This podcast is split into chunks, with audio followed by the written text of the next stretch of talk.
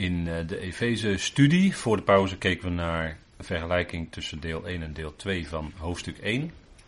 Lofprijzing en gebed. En we eindigden bij God, de Vader van de heerlijkheid. Daar richt Paulus zijn gebed naar. Hij zegt, Efeze 1, vers 15, 16. Daarom houd ook ik niet op te danken voor jullie, jullie in herinnering brengend in mijn gebeden. En die jullie is natuurlijk de gelovigen uit de natieën die geen verwachting hadden, die geen roeping hadden, die geen zoonschap hadden, die zijn rijk gezegend en die zijn ook samen met de gelovigen uit Israël, hebben we gezien hè, degene die aangeduid werden in vers 1 tot en met 12, met ons en wij, was nog even de gelovigen uit Israël, hebben we gezien met elkaar, en dan komt Paulus in vers 13 met ook jullie. En dan komen de gelovigen uit de natie erbij en die blijken dan op dezelfde hoogte met de gelovigen uit Israël. Geestelijk gezien op dezelfde hoogte te staan als zonen. En dat is een surplus aan genade, want voor de gelovigen uit de natie, voor de natie was er eigenlijk helemaal niets. Een ondergeschikte plaats aan Israël in het vlees. Maar nu geestelijk gezien zijn ze op gelijke hoogte gekomen met de gelovigen uit Israël. En is er ook geen onderscheid meer naar het vlees. Vlees en geest, hè, dat is bij Paulus een belangrijk item. Ook in deze Efezebrief met name. Geestelijke zegeningen te midden van de hemelsen. Dus geen vleeselijke zegeningen, die heeft Israël wel. Die hebben een land. Haaretz. Het land. Kun je pakken met je handjes kun je de grond kussen als je daar komt. Dat doen sommige Joodse mensen die een Aliyah hebben meegemaakt. En dan komen ze op het vliegveld Ben Gurion aan en kussen ze de grond, want ze zijn eindelijk thuis na zoveel jaar. Kun je allemaal, het is allemaal tastbaar, vleeselijk. Heeft, uh, heeft uh, wij als gemeente hebben dat niet. Wij hebben alleen geestelijke zegeningen. Wij hebben geen tempel van steen. Maar wij zijn zelf tempels. En de, de, de Joodse mensen begrepen dat niet toen de Heer het erover had breek deze tempel af en ik zal hem in drie dagen doen herrijzen. Begrepen ze niet dat hij van de tempel van zijn lichaam sprak? Zijn wij ook tempels van Heilige Geest, die woont in ons. Overal waar Gods Geest woont is in feite tempel. En de apostel Paulus doet op de Areopagus in Athene, de bakermat van de filosofie, doet hij een geweldige uitspraak als hij zegt dat in feite die hele schepping Gods tempel is. Want dat hij overal is. God is niet beperkt. Zoals die uh, tempel die hij daar zag. Toen hij op de Areopagus stond. Hè, want dan, zie, dan zag hij daar die tempel. Hè, die, uh, wat is het daar? De Acropolis geloof ik. En zegt hij, God woont helemaal niet in tempels met handen gemaakt. Maar de hele schepping, het hele universum is zijn tempel. Zo groot is God. Dat is een enorme onthulling hoor. Dan zegt hij, in hem leven wij, bewegen wij ons en zijn wij. Dat hadden die filosofen nog nooit. Ja, dat was een aanhaling van een dichter. Maar Paulus laat zien dat dat de God van Israël is. De God die hij had leren kennen. Echt had leren kennen. Niet uit traditie, maar echt had leren kennen. Na zijn omkeer op de, de weg naar Damascus. Die God, daar heeft hij dan over. En laat zien dat die grote God, die geest is, het hele universum doordringt. Dat is wat. En als God zijn geest zou terugtrekken, zou de hele mensheid ogenblikkelijk sterven. Alla minuut. Of alla seconde kan ik beter zeggen. Zo groot is God hoor. Dat is veel, veel groter. Dat is immens wat Paulus daar mocht bekendmaken. Op, uh, in Handelingen 17 hè. Ja, dat, dat zijn natuurlijk geweldige dingen. En als, als Paulus dan leert kennen dat dit het lotdeel is voor de, hemel, hè, voor, voor de gemeenteleden, voor alle gemeenteleden, te midden van de hemelsen. Niet op aarde, maar te midden van de hemelsen. Ja, dan, eh, dan zegt hij dank u wel. Dank u met een hoofdletter, hele grote hoofdletter. Dank u wel. Daarom houd ik niet op te danken voor jullie. En als je tot geloof bent gekomen en je leert die genade van de apostel Paulus, zoals hij dat mocht brengen, kennen, dan denk ik dat je niet meer kan ophouden met danken. En dat je gebed, hè, want vroeger was je misschien wel iemand als gelovige die graag aan God wou adviseren wat hij moest doen. Maar dat het gebed wel is gaan veranderen in dank. Dat je dankt voor datgene wat hij doet. En dat je op voorhand dankt voor datgene wat hij nog gaat doen. Dus dan wordt je gebed wordt niet meer een pleiten op jouw ideeën, waarvan jij vindt dat God dat moet doen in jouw leven of in het leven van je geliefde of weet ik wat. En natuurlijk wil je altijd voor je geliefde het beste. Dat we tot in het oneindige gezond blijven, maar dat is niet zo. We leven niet in het duizendjarig rijk nu. We worden niet 969 jaar zoals Methuselem. Nee, er komt een keer een einde aan. We zijn stervend. Heeft God ook zo bepaald. Wie? God heeft dat bepaald als plaatser. Dat wij stervend zijn. En daar moeten we het mee doen, dat is niet anders. Dus overkomt ons, helaas, helaas willen we niet, maar het gebeurt toch. Overkomt ons gebrek, ziekte, lijden. Lichamelijk, ziels, geestelijk lijden. Hoe je het ook maar noemen wil. Maar het overkomt ons. Dat is de weg die God met ons gaat. Wij zijn zonen. En dan moet je niet raar opkijken dat je een weg van lijden meemaakt.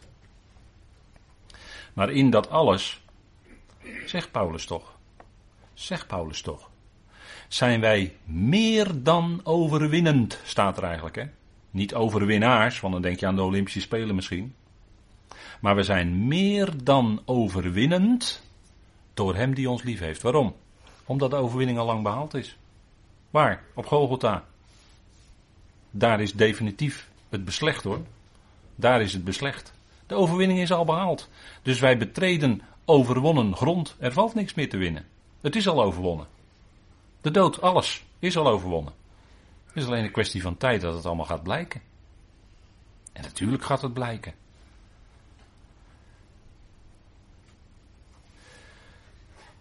Daarom danken wij voor die liefde, voor die genade die wij ondervinden, ook in lijden, ook in de dagen dat het moeilijk is. Bagatelliseren we niet. Dagen kunnen heel moeilijk zijn, uren kunnen heel moeilijk zijn. En toch, Paulus hield niet op te danken. En Paulus heeft geleden hoor, die heeft geleden. Die somt rijtjes op, daar kunnen wij nooit van ons levensdagen aan, uh, daar komen wij niet aan hoor. Wat Paulus geleden heeft, echt niet. Maar daarom, Paulus zegt toch, daarom houd ook ik niet op te danken voor jullie. En wij kunnen dat toch ook zelf praktiseren. Gewoon danken voor je medebroeders en zusters die je tegenkomt. In het lichaam van Christus kun je toch gewoon voor danken. Net als Paulus. Dat is ons voorbeeld tenslotte. Paulus toch? Dat is ons voorbeeld. Dus we kunnen danken voor degene die wij ontmoeten in het lichaam van Christus. Jullie in herinnering brengen in mijn gebeden, gebed. En wat begeerde Paulus nou? Er is de, de hele wereld is vol van begeren. Bij Eva was dat uh, een van de facetten waardoor zij uh, in zonde viel. Want die slang maakte haar attent op. Kijk, die vrucht, die vrucht, die is begeerlijk om te zien. Mooi. Daar wil de tegenstander natuurlijk al die dingen van de wereld. Hè? 1 Johannes 2 vers 16, lees het maar eens. Al die dingen van de wereld wil de, de tegenstander heel mooi jou voor ogen schilderen. Zodat jouw begeerte daar naar uitgaat. Dat is heel simpel. Het is gewoon uh, al die reclames en al, al wat, je, wat je kan zien in de, in de media enzovoort. Dat is allemaal natuurlijk om jouw begeerte te trekken naar die dingen die je afleiden van waar het werkelijk om gaat natuurlijk. Maar dat is een heel oud liedje. Want het liedje begon al in de hof. Dat die slang, de vrouw en Eva, uh, Eva en Adam erop wees van kijk die, die vrucht aan die boom, kijk daar eens naar.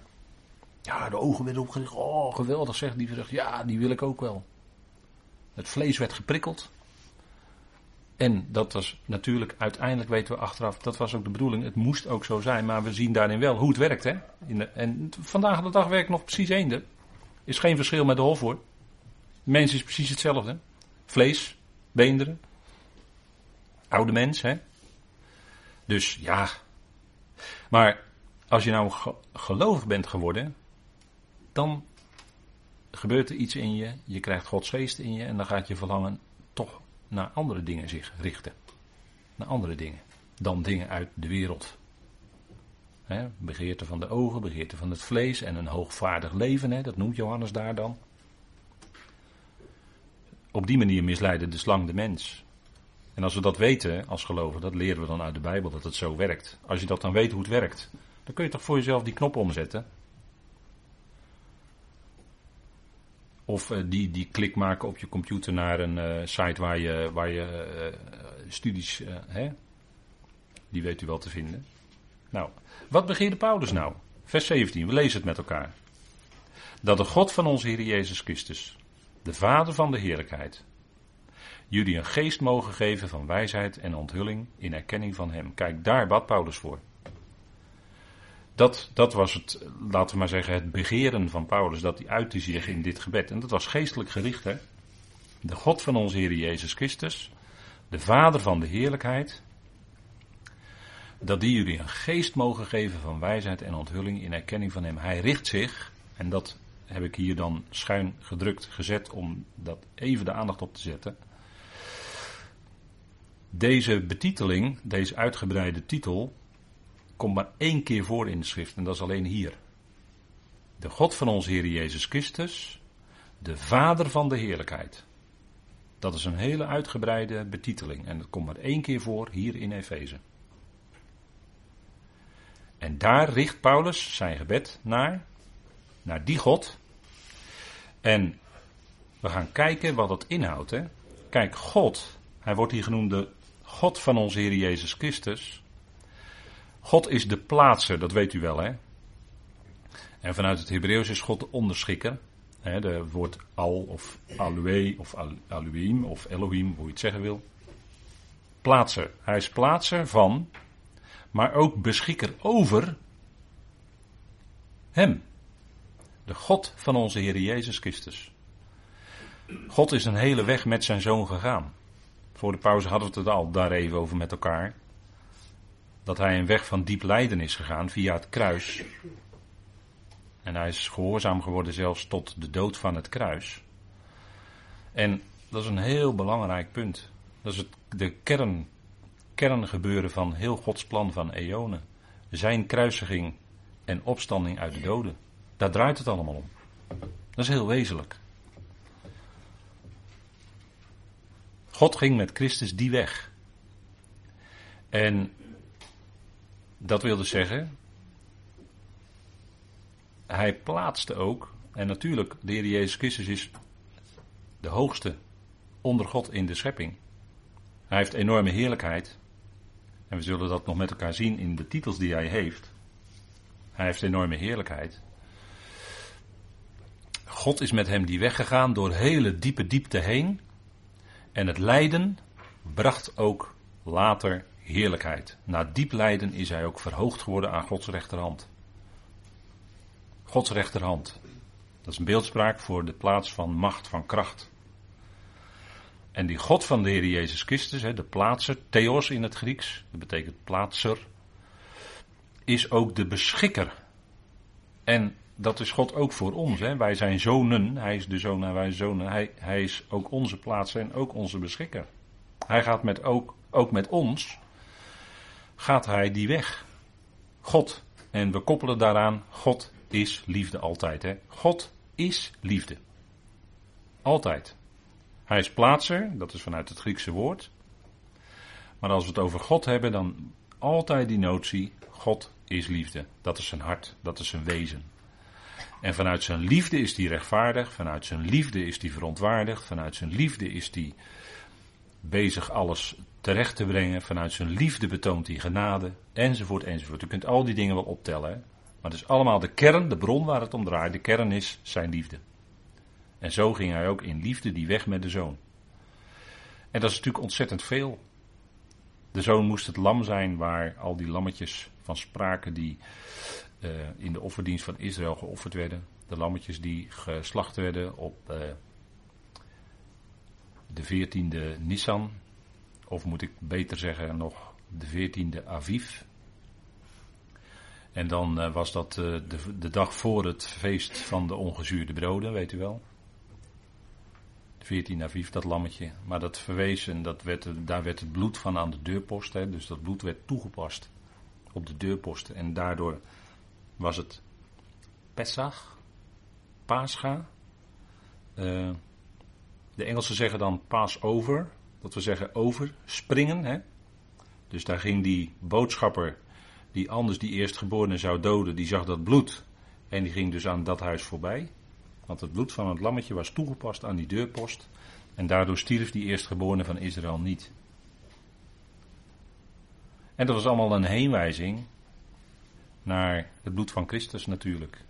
Hij is het lam van God dat de zonde van de wereld zou wegdragen, zegt Johannes. Zie. Ken die teksten. Hij kwam ook niet om de wereld in die zin in de eerste plaats te veroordelen. Maar hij kwam om te redden. Dat is ook wat zijn naam zegt, hè, Jehoshua. Jezus, Jehoshua. Daar zit het woord van redden ook in in het Hebreeuws. Hè. Dat hoor je dan erdoor komen.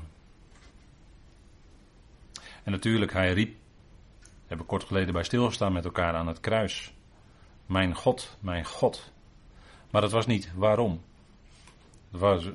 Er staat heel duidelijk, heel duidelijk, staat er waartoe. Het woord lema, of lama wordt er dan vertaald, maar in, in, eh, letterlijk staat er lema in, in Marcus.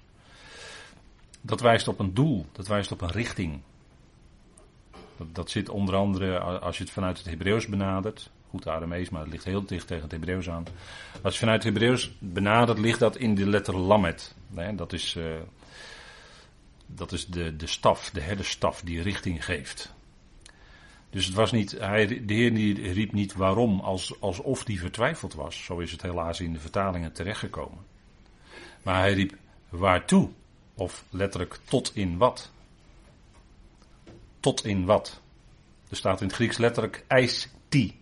Dat betekent tot in wat u mij verlaten hebt. En dat verlaten, daar is ook veel discussie over. Daar is veel discussie over. Van hoe moet je dat nou zien? God wende in die uren van duisternis het aangezicht van zijn zoon af, omdat zijn zoon op dat moment tot zonde werd gemaakt. Op dat moment wendde hij zijn aangezicht af voor drie uur lang. Want hij werd tot zonde gemaakt. En daardoor zijn wij nu gerechtigheid van God in hem. Zegt Paulus in 2 Korinthe 5. Paulus mocht u bekendmaken als enige apostel. Wat de grote gevolgen zijn van de kruising en opstanding van de Heer Jezus Christus. En diepgaande consequenties die dat ook heeft voor ons. Niet alleen straks, maar ook. Nu. We zijn met Christus toch gekruisigd. Dat is toch, eh, daar leven wij toch uit. En we leven, zeker, ja, we leven. Want we hebben ook nieuw leven ontvangen. We wandelen in nieuwheid van leven. Maar dat is het gevolg. Dat is eh, de effect van het kruis. Hè? Want het kruis is dat oude weggedaan, u weet wel. Die rovers en die misdadigers. Dat is misschien niet zo'n aangename boodschap om dat te horen. Maar dat zijn u en ik. En aan onze oude mens. Rovers en misdadigers. Ja, beter is het niet. Die oude mensheid verdiende maar één plek. Aan het kruis. Genageld en daarna begraven. En in, in een beeld gesproken, maar dat is dan even onder ons gezegd. We zouden die oude mens vervolgens niet weer opgraven, natuurlijk. Dat is natuurlijk onzin, dat doe je niet met doden. Die ga je niet alsnog later weer opgraven. Toch? Kijk, hij riep waartoe u mij verlaten hebt. En heel korte tijd daarna zei hij, of riep hij uit, het is volbracht. Dat, dat sluit aan natuurlijk op dat waartoe, hè? Waartoe, het is volbracht. Het is nu, dat werk wat gedaan moest worden daar was af, was compleet, was volledig. En het is voltooid verleden tijd met een geweldig effect nu en ook in de toekomst en ook na de eonen. Kijk, dat, en dat wist de Heer. Dat was zijn geloof. De Heer had die schriften bestudeerd. En hij stelde op twaalfjarige op leeftijd al in de tempel al allerlei vragen aan de schriftgeleerden waar ze, waar ze eigenlijk niet of nauwelijks antwoord op wisten. Maar hij had uit die schriften geleerd dat het allemaal op hem betrekking had. En dat verkondigde hij later ook aan de Emmersgangers. Die psalmen, dat ging over hem. Stond toch in Psalm 22? Wat hij uitriep aan het kruis, dat staat toch in Psalm 22? En in Psalm 69? Bij dorst, dat had hij toch allemaal gelezen? Dat reciteerde hij aan het kruis, want hij wist dat het over hemzelf ging, dat hij dat zelf zou vervullen. En toen hij dat zei tegen, tegen het Sanhedrin, ja, toen wilde ze hem lynchen, toen, toen moest hij dood. Dat, is, dat het in hem vervuld werd. Dat hij dus de zoon van God is, dat hij dus de Messias is. Dat was niet, niet vanwege de dingen die hij deed in de eerste plaats, werd, hij door het Sanhedrin zo uh, via de Romeinen gekruisigd. Nee, om wat hij sprak, daar ging het om. En hij kreeg veel te veel aanhang. En dat moest zo zijn. Dat was natuurlijk Uiteindelijk vanuit God, ja, het moest ook zo zijn. Het moest via die weg gaan. Andere weg was eigenlijk niet mogelijk. Kon niet. Want het was een, in, in de, in de uh, gehangen aan het hout, hè, is vervloekt. Hij kwam onder de vloek van, van de Torah, staat in, zegt Paulus in Gelaten 3. Paulus had het allemaal leren kennen. Ja, de God van onze Heer Jezus Christus de plaatsen, en dat doet hij ook in ons leven. Hij plaatst ons op die plaats waar we nu zijn, met die omstandigheden, met die problemen die we tegenkomen, met die tegenslag, met die voorspoed, met die, eh, alles, alles wat hij maar kan invullen. Dus hoe God het, dat is hoe God het in uw en mijn leven uitwerkt vandaag de dag. Dat, deed hij gisteren, vandaag en dat zal hij morgen ook zo doen. Dat is God die aan het werk is in uw leven. Dat zou dat te beseffen, dat we dat lijntje om het zo maar te zeggen, naar God hebben, zoals Paulus, bidden, danken. En dan toch, ja, en wat doe je dan? Als het moeilijk is en de problemen houden je bezig, je wordt midden in de nacht wakker, wat doe je dan? Nou, dan pak je de schrift erbij, ga je luisteren of je gaat luisteren, je gaat in bed liggen luisteren en dan kom je weer van binnen tot rust. Want je hoort weer die woorden van God en je hoort weer hoe dat zit vanuit God. En dat God je echt niet verlaten heeft. Echt niet. Dat wat je overkomt zijn geen tekenen van zijn ongenoegen. Maar het is zijn liefde. Stap voor stap. En wij weten niet wat moet zijn. Nee, zeker niet. Maar hij weet het wel. En hij gaat met ons die weg. Net zoals met zijn zoon. De God van onze Heer Jezus Christus. Hè? Dat Paulus zo aanspreekt, moet natuurlijk niet zomaar aan voorbij lezen. En dat is de vader van de heerlijkheid. Dat is ook een bijzondere uitdrukking die eigenlijk alleen hier in de schrift voorkomt. Hè, de enige keer, de vader van de heerlijkheid. Er wordt wel gesproken over de heerlijkheid uh, van de vader in diverse plaatsen. Maar hij is de vader, hij is de bron, zou je kunnen zeggen, van de heerlijkheid. Wat is nou heerlijkheid? Even eerste begrip heerlijkheid. Dat is kavoot, hè, of kaboot. Zwaar, gewichtig, vrucht. U ziet het aan deze druiven die aan de wijnstok hier hangen op dat plaatje. Dat is de heerlijkheid van de wijnstok. Dat zijn de druiven. En als er veel vrucht is, dan gaat zo'n wijnstok ook meer hangen. Hè, door het gewicht, door de zwaarte. Dus dat sluit wel een beetje op elkaar aan. Maar wat is nu de heerlijkheid dan in ons leven? Nou, dat is ook die vrucht. En dan kunt u het zo invullen, denk ik, vrucht van de geest. Als die vrucht van de geest zich manifesteert in uw en mijn leven, dan is dat de heerlijkheid van de Vader, de heerlijkheid van God, die zichtbaar wordt. Dat wij als in ons oude ikkie waren we zus en zus en zo, en nu is het anders. Nu is het heel anders geworden. Nu reageren we heel anders, zijn we heel anders, trekken we ons heel, heel, veel meer uit naar hele andere dingen. Kunnen ons wel inhouden, kunnen we wel geduld hebben, kunnen we wel zachtmoedig zijn, kunnen we wel goed, het goede voor hebben met, met iedere mens enzovoort. Kunnen we nu wel. Hoe komt dat? Door de kracht van de geest, dat is de heerlijkheid, dat is de vrucht die de geest in ons leven zet. En natuurlijk, het is liefde, het is liefde. Het is één vrucht, hè, staat in het enkelvoud daar, gelaten 5. Het is één vrucht.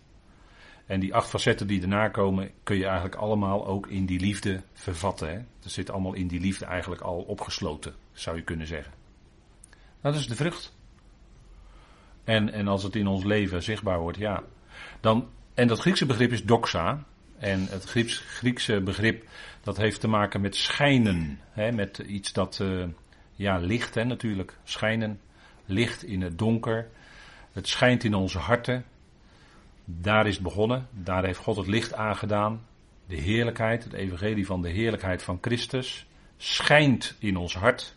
Dus vanuit het Grieks heeft het ook te maken met licht, met, met stralen, met, heer, met uh, uitstraling. Van. En dat is ook wat ons leven dan anders gaat uitstralen. Wat stralen we uit? Liefde, vreugde, vrede, genade.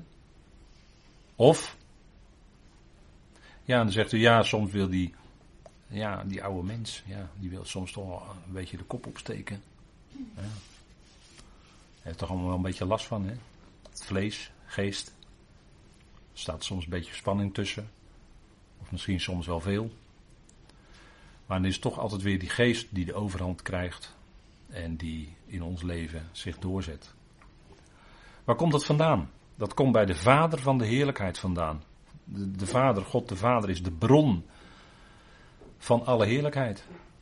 Welke heerlijkheid je ook maar bedenken kan, komt allemaal bij Hem vandaan. Of het nu materieel is, in zo'n letterlijke vrucht in de schepping, dat is ook iets van Gods heerlijkheid als schepper, hè, want dat is ook zijn heerlijkheid, dat Hij de schepper is. De schepper van alles, Hij is de bron. Alles is uit Hem voortgekomen. Hij is de schepper. Vanaf, uh, hè, het, uh, vanaf het kleinste microscopische, kleinste microscopisch waarneembare iets tot, uh, tot het grootste olifant bij wijze van spreken, als we het over dieren hebben. Allemaal door hem gemaakt, allemaal door hem gecreëerd. Dat is zijn heerlijkheid. Zijn creativiteit, wat hij allemaal laat zien. Hoe dat in elkaar zit. Alles zit in structuren in elkaar in de schepping. Kijk maar naar hoe een, hoe een uh, molecuul is opgebouwd. En die is opgebouwd uit atomen, weten wij. En atomen zijn weer opgebouwd uit kleine deeltjes die daarin rondgaan. Hè? Ionen geloof ik, protonen, ik weet het allemaal niet. Allemaal door God gemaakt. En hoe komt het nou dat het niet uit elkaar of in elkaar klapt? Dat is de kracht van God, dat is de geest van God. Dat is Christus hè, die alles in stand houdt door zijn geest. Dat is de heerlijkheid van God. En zoals een mens gemaakt is, hè, zoals wij gemaakt zijn, als mens, als uniek stukje schepsel van God, is ook zijn heerlijkheid. Dat heeft er allemaal mee te maken. De vader van de heerlijkheid. Dus alles wat je maar kunt voorstellen aan heerlijkheid, ja, dat heeft met God te maken. Dat, dat, is, dat is vanaf God, van God afkomstig. De vader van de heerlijkheid. Heel bijzonder hoor. Heerlijkheid. En de vader is dus de bron, de oorsprong. En als we kijken in het geestelijke bereik, dan is die heerlijkheid ook zijn overvloedige liefde en genade. Dat is in het geestelijke zijn heerlijkheid. De heerlijkheid van zijn genade heeft te maken met de ontvouwing van de toppen van zijn liefde of de diepste diepten van zijn liefde, waar Paulus dan in Efeze 3 voor bidt. De diepste diepten en de toppen en de breedte en de lengte. En de liefde van Christus. Dat komt allemaal bij de Vader van de heerlijkheid vandaan hoor. Hij is de bron. En die vader mogen u en ik kennen en zelfs ook vader noemen. Dat is ook heel bijzonder. Hè? Wat trouwens tegen Israël ook al gezegd wordt. Het vaderschap van God is ook wel degelijk voor Israël. Was in de profeten ook al aangegeven hoor. Ga het maar zoeken in de concordantie. Maar de Vader is de bron van overvloedige liefde en genade, zoals het in het Evangelie, ja, ja, ja, alleen in het Evangelie van Paulus komt dat zo naar voren. Overstromende genade en liefde van God komt alleen in het Evangelie van Paulus naar voren, in zijn brieven. Nergens anders. Dat is, dat is nou eenmaal zo. Het is niet anders. En daarom bestuderen wij die brieven, omdat die voor ons als lichaam van Christus bedoeld zijn. Dat is onze kracht. Dat is de, datgene waardoor wij geroepen zijn. Dat is waarom wij ermee bezig zijn. En dat is waarom we ook onderscheid maken. Tussen, ja, inderdaad, dat, dat kleine groepje brieven van Paulus en de rest van de schrift. Ja, daar, is, daar, daar maakt de schrift zelf onderscheid in. En dat volgen wij. Dat volgen wij. Je moet kijken aan wie iets geschreven is en wie het schrijft. En ja, goed. Vorige keer begonnen we daarmee. Adres op de envelop, hè, weet u wel. Envelop. En als het voor de buren bestemd is, ga je die envelop niet openen. Ga je die brief niet lezen. Nee, die is voor de buren bestemd. Dus je ga je netjes in de brievenbus doen, ongeopend, bij de buren. Is niet voor jou bestemd. Heel simpel principe. Kind kan de was doen. Je moet bij de brieven van Paulus zijn. Als het echt om ons gaat, als het over ons, hè, als je nou zegt, wat gaat nou over ons als lichaam van Christus? Nou, de brieven van Paulus. Die kan je zo inkoppen. En de rest van de schrift is in de eerste plaats, gaat grotendeels over Israël. En af en toe iets over de volkeren enzovoort. Maar grotendeels gaat het over Israël, is geadresseerd aan dat volk. Overgrote deel van de schrift. Ja, het is niet anders. En daar raak je echt helemaal niets mee kwijt hoor. Dat is een drogreden als dat gezegd wordt. Dat je dan iets kwijtraakt. Wel nee. Je moet volgen zoals God het bedoeld heeft. Voor wie is het bedoeld? Grotendeels voor het volk Israël. Dat is het uitverkoren volk. Daar heeft God heel veel aan geprofileerd, heel veel belofte aangegeven enzovoort. Rijk. Maar die rijkdom die wij mogen ontvangen is nog groter. Ik zou bijna willen zeggen veel groter. Dan wat aan Israël gegeven is. En de roeping van ons is hoger, ook letterlijk hoger, dan die van Israël. Ja, anders is het niet. Anders is het niet. En kijk, we gaan niet op die tour van. Uh, wat, wat dan ook wel rondgaat. Hè? Uh, we gaan niet op die tour van. Uh, ja, kijk. Ja, ja, ja, er staat dat en dat. Maar eigenlijk wordt een dat en dat bedoeld. Nee, nee. Dat staat er. Kan je niet veranderen, je kan de schrift niet veranderen. Dat is gewoon duidelijk. En je moet de schrift volgen. En we volgen ook waar het letterlijk is en waar het beeldspraak is. Natuurlijk, moet je allemaal in acht nemen. Maar we volgen wel wat er staat geschreven. En uh, ja, dan doen we geen, dat is wijn. En we doen geen water bij de wijn. Wij hebben zijn heerlijkheid aanschouwd. Dat staat al in Johannes als het over heerlijkheid gaat.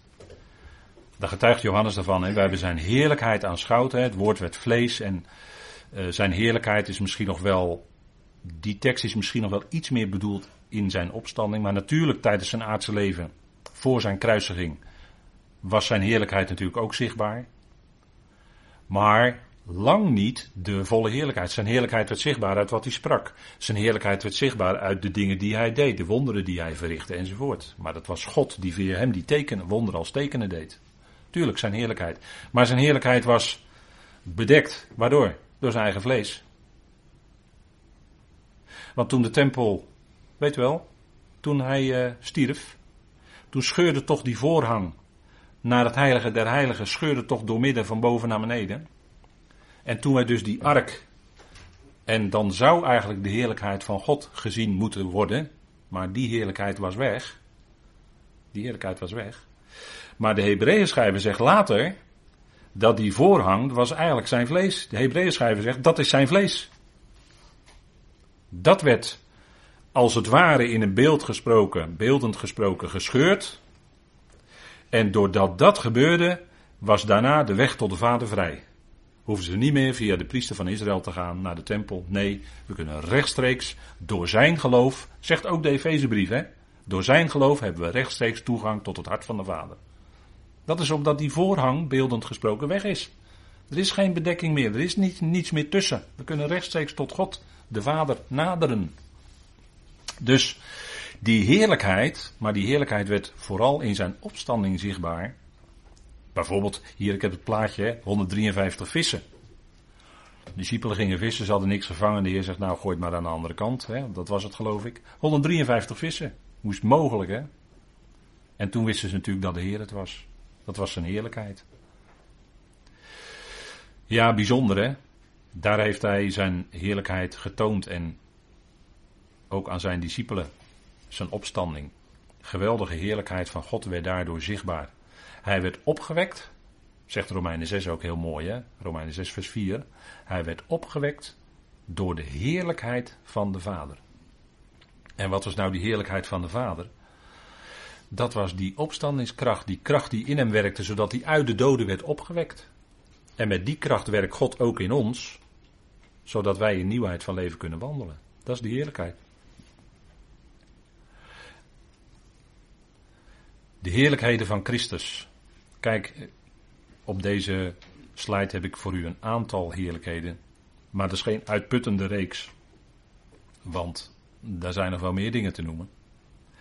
Maar om dat begrip heerlijkheid voor u een beetje in te vullen.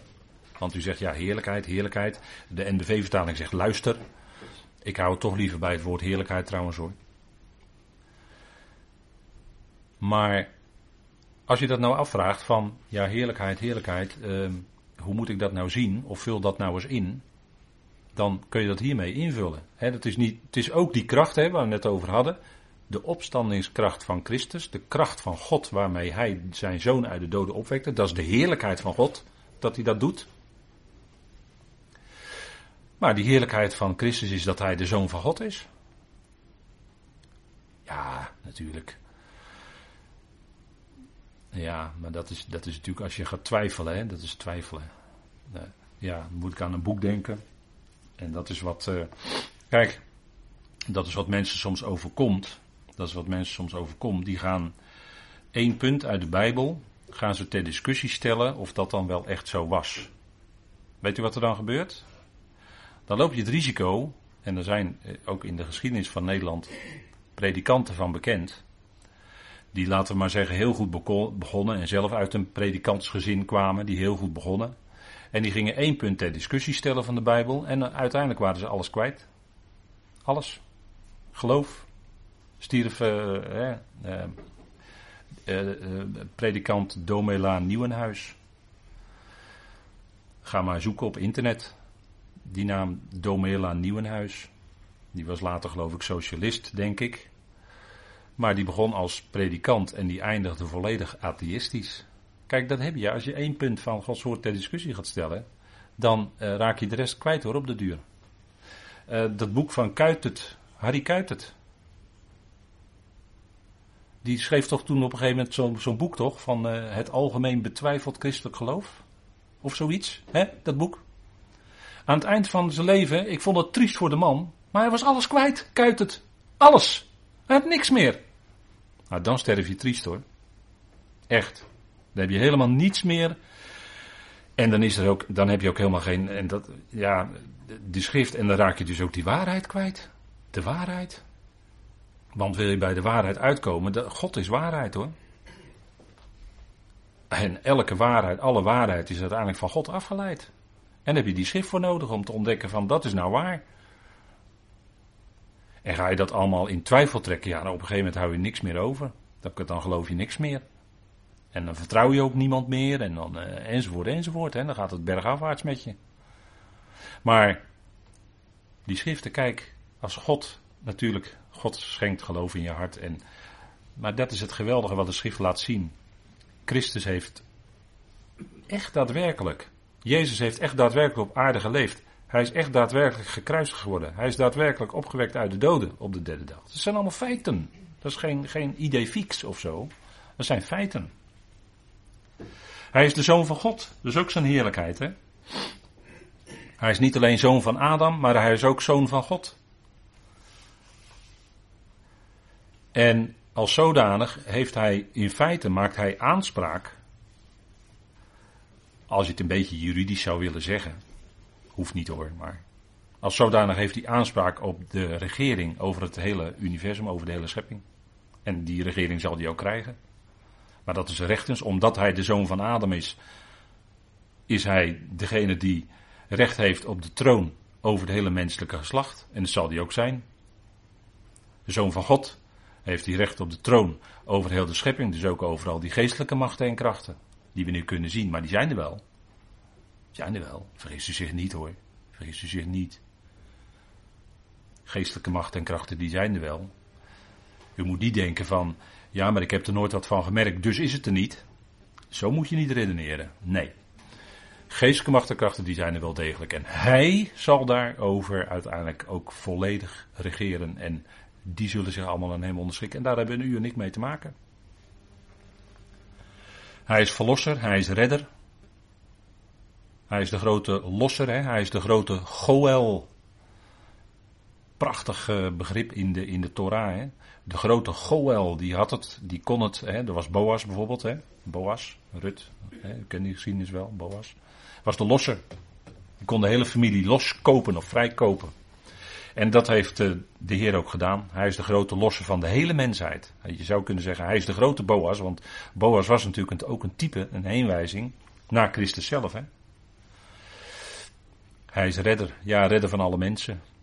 Hij kwam niet om te veroordelen, maar hij kwam om te redden. Hij is de redder, natuurlijk. Door zijn werk aan het kruis is de garantie en zijn opstanding uit de dood is de garantie afgegeven dat heel de mensheid gered, ja, in feite al is in Gods ogen, maar het is nog een kwestie van tijd. En dat iedereen ook levend gemaakt zal worden. Onsterfelijkheid ontvangen betekent dat. Geweldig, hè? Hij is de koning van Israël. Werd geroepen hè, toen hij aan het kruising. Ha, hij is de koning van Israël. Maar dat is waar. Dat was waar. Hij is de koning van de koningen, zal blijken. In de nabije toekomst. Dan komt hij. Kijk maar in openbaring 11. dan zal hij blijken te zijn de koningen van de koningen, dus de regeerder van de regeerders. Hij regeert dan over al die koningen. Die zullen aan hem moeten onderwerpen. Hij is de Heer van de Heren. Hij is de koning en priester naar de ordening van Melchizedek. De Hebreeën spreekt daar zeer uitgebreid over. Hè? Hij is het hoofd van zijn lichaam, de uitgeroepen gemeente. Hij is het hoofd van alle overheid en macht. Hij is de middelaar van het nieuwe verbond. Hij is de middelaar tussen God en mensen. Nou, een bloemlezing hè, over de heerlijkheden van Christus. Ik denk dat dit is nog meer te noemen, maar ik denk nou voor vanavond, het is een beetje laat op de avond al geworden, hè, is dit wel eh, voorlopig weer even genoeg. Hè? Hebben we weer, wel weer genoeg gegeten en gedronken met elkaar. En dat is denk ik geweldig. Hè? En ik denk dat het goed is om uh, hiermee af te sluiten vanavond, want het is alweer de hoogste tijd, zie ik. En dat we willen graag doen met een dankgebed. Zullen we dat doen? Vader, wij danken u dat we met elkaar deze heerlijkheden mogen overdenken, daarbij stil mogen staan. De heerlijkheid van uw zoon. Vader, het is geweldig en dank u wel dat wij daardoor ook verheerlijk worden, omdat hij dat wordt en is. Die heerlijkheid, Vader, die wacht. Ja, Vader, we zien er naar uit. Het is groots en het zal al onze verwachtingen ver overtreffen. Dank u wel, Vader, dat u ons heel even zo op deze momenten laat kijken naar uw heerlijkheid en de heerlijkheid van uw zoon. Bijzonder. En we danken u daarvoor. We danken u dat u nabij bent. Elke dag weer in ons leven. Als het vaak niet zo makkelijk gaat. Als er tegenslag is. Als er moeite is. Op welke manier dan ook. Vader, u bent nabij. En we danken u dat we altijd bij u terecht kunnen. Elk moment van de dag. Dank u dat we met Paulus onze knieën mogen buigen. Voor u, de God van de heerlijkheid, de Vader van de heerlijkheid. En dank u wel dat, omdat u verheerlijkt zal worden, Vader, door alles heen, al die schepselen zullen delen in die geweldige rijkdom van u, die genade, die liefde. Dank u dat we daar steeds weer naar mogen horen en met elkaar mogen overwegen. Dat u onze leidsman bent door het leven heen, nabij bent. Bidden voor hen die het moeilijk hebben, die oud zijn geworden met gebreken, te kampen hebben. Bidden voor hen die in verzorging en verpleging verblijven. Wij zijn erbij, Heer. U kent ook het verdriet wat er dan is, de open plek, de, het gemis. Vader, wees daarin erbij. Dank u wel dat u troost en bemoedigt en dat we dat woord hebben. Ook, ja, als rijke bron van troost. Dank u wel dat we ons daarin mogen verheugen. We danken u voor uw goedheid en trouw dat we hier zo vanavond bij elkaar mochten zijn en deze dingen mochten overwegen.